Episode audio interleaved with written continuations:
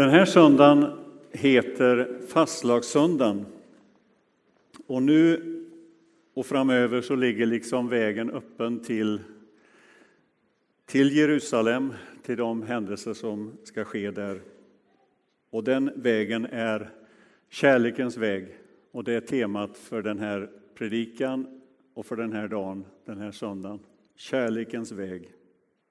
Vi har hört texten läsas från Markus 10.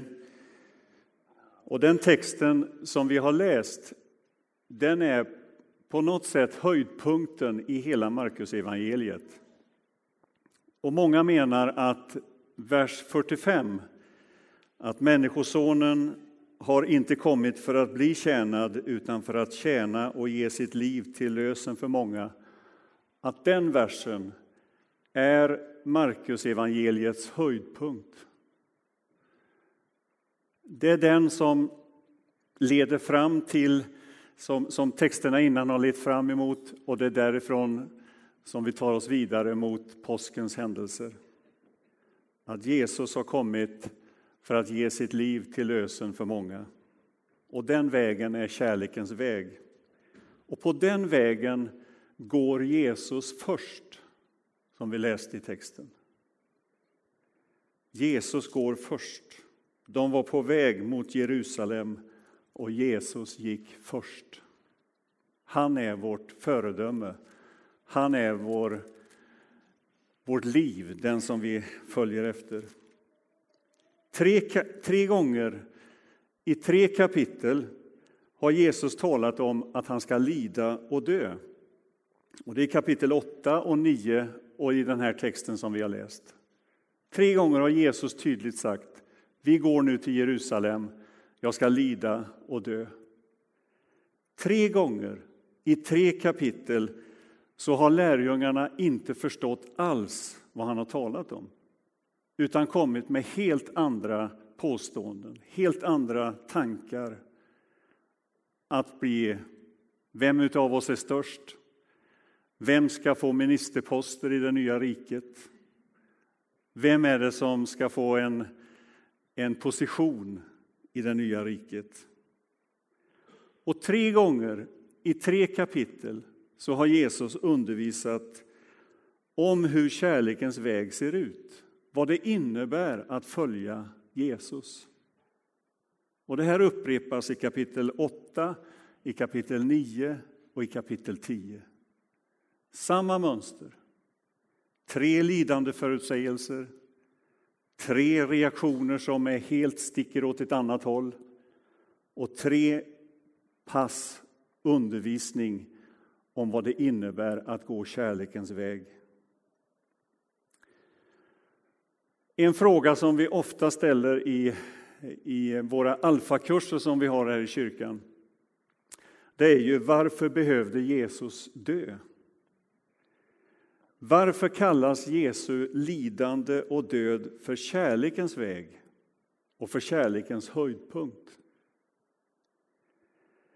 Och i beskrivningen av lidande, död och ett uttryck för Guds stora kärlek så finns ju någon form av motsägelse eller ett mysterium. Och i allra högsta grad om det handlar om att en oskyldig lider och dör för oss. Och en ansats till svar på den frågan det är ju att allt, all livsförvandlande kärlek kräver ett ställföreträdande offer. Det kostar någonting om kärleken ska få åstadkomma den här förvandlingen. Och i den, i den modellen, i den förvandlingen, där går Jesus först. Kärlek inte bara händer, utan det måste till någon form av offer. Jag är fullt medveten om att ibland så är det väldigt lätt att älska. Men ofta så måste vi ta i för att gå kärlekens väg. Det är lätt att älska dem man tycker om, men inte lätt att älska dem man inte tycker om. Och det kan gälla i, i möten med människor, i relationer. Visst är det lätt att älska dem vi tycker om. Det är människor som ger oss energi, ger oss kraft, ger oss glädje, som berikar oss. Och dessa möten kostar ju egentligen inte så mycket. De ser vi fram emot med glädje och det ska vi göra. Helt självklart, och det gör vi. Men möten med människor som vi gärna inte önskar att möta, de är svårare. De mötena där vi tittar liksom på klockan och försöker göra en värdig sorti därifrån. Där vi vet att det här mötet kostar någonting från vår sida. Det krävs någonting ifrån mig om det här mötet ska bli, bli någonting, om det ska komma till stånd. Här krävs ett offer utav något slag. Eller ta en annan bild, att vara förälder. Alltså barnen är ju helt beroende utav oss för att lära sig läsa, skriva, stå på egna ben. Åtminstone under de första 20 åren. Och för att det ska ske så krävs det ju någon form utav offer från vår sida, även om det inte är svårt när det gäller barn. Men om de ska växa från beroende till oberoende så måste jag ge upp mitt oberoende i 20 år eller mer. Om inte jag gör den uppoffringen då kommer de inte att kunna stå på egna ben så småningom. All verklig livsförvandlande kärlek innebär ett ställföreträdande offer. Dopet som vi var med om här alldeles nyss, när Erik döptes, det är ju att ge upp sitt oberoende och leva i beroende av Jesus. Det är ju att säga, nu ger jag mitt liv till dig, Jesus. Led mig. Det är att ge upp sitt oberoende. Och all verklig livsförvandlande kärlek kräver ett offer. Ett ställföreträdande offer. Och där går Jesus först. Min komfortzon måste brytas, min bekvämlighet. Och egentligen så är det ju så i allt vad förändringsprocesser heter. Det kostar oss någonting om vi vill bryta utanförskapet. Det kostar oss någonting om vi ska vara med att förhindra miljöhotet mot vår skapelse. Det kostar någonting att gå den extra milen för någon annan. Det kostar oss något att stifta fred eller att be någon om förlåtelse när jag har sårat någon. Så ser kärlekens väg ut.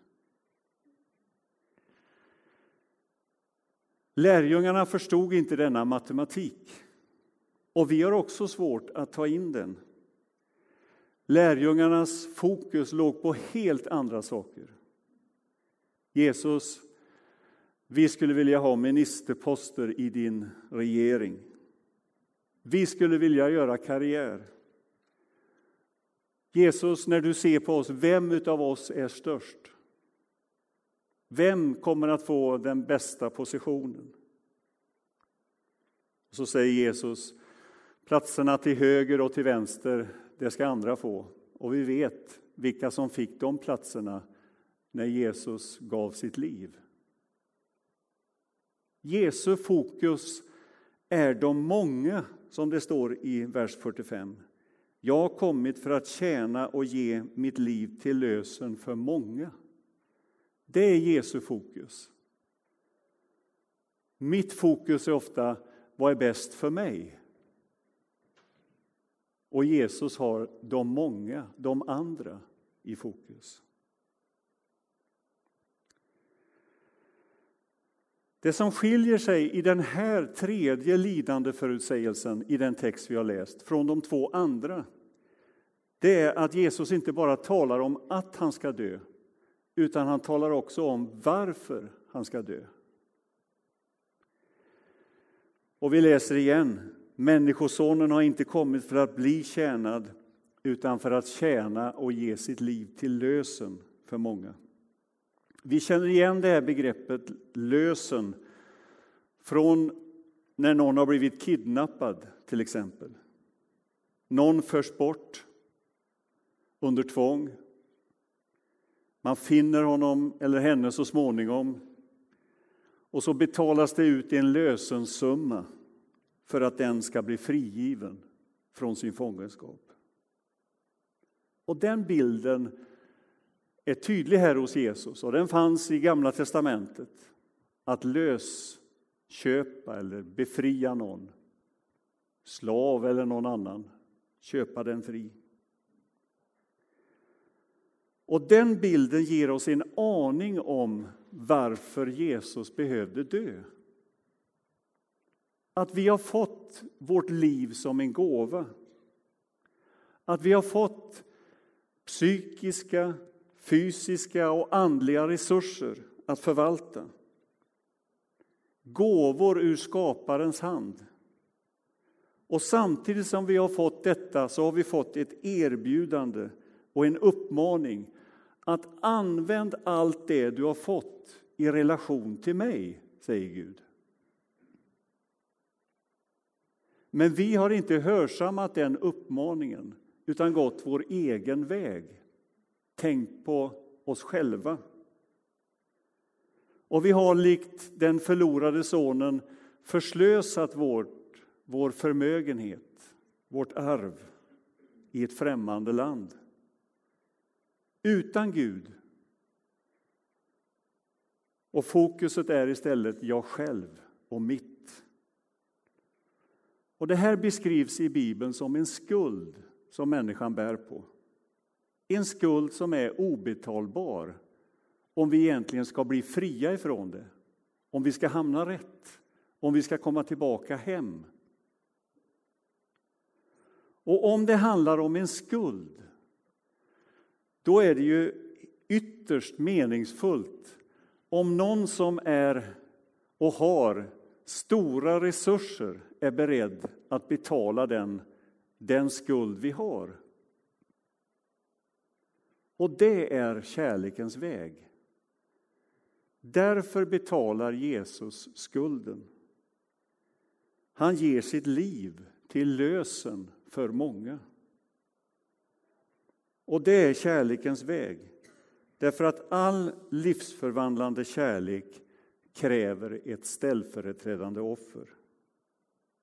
Och Jesus går först på den vägen. Han lämnar sin komfortzon, söker upp oss, visar empati, tar in vår utsatthet, betalar vår skuld, löser ut oss där vi var ämnade eller, eller hänvisade till oss själva och för oss hem igen till den position, till den ställning, till den tanke som var tänkt om oss från början. Och det är kärlekens väg. Och det är därför som den här texten, som Markus har lagt den här texten i centrum på sitt evangelium för att tala om det är detta Jesu liv handlar om. Och det är inte bara någonting som han ger oss, utan han ger oss också ett livsmönster för, all, för allas våra liv. Att gå den vägen. Då händer någonting. Då förvandlas någonting. Då sker den här livsförvandlingen, den här livsförvandlande kärleken som vi så gärna vill åstadkomma och se. Och låt mig få avsluta med att läsa hur en av evangelisterna, Paulus, beskriver det här. Och det som man också tror var en hymn eller en sång i den tidiga församlingen, eller kyrkan. I Filipperbrevet 2. Och vi läser från vers 3. Vi avslutar med det. Var ödmjuka. Sätt andra högre än er själva. Tänk inte bara på ert eget bästa, utan också på andras.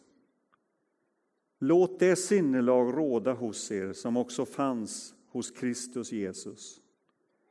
Han ägde Guds gestalt, men vakade inte över den, inte över sin jämlikhet med Gud, utan avstod från allt och antog en tjänares gestalt då han blev som en av oss. Och när han till det yttre hade blivit människa gjorde han sig ödmjuk och var lydig ända till döden, döden på ett kors. Amen.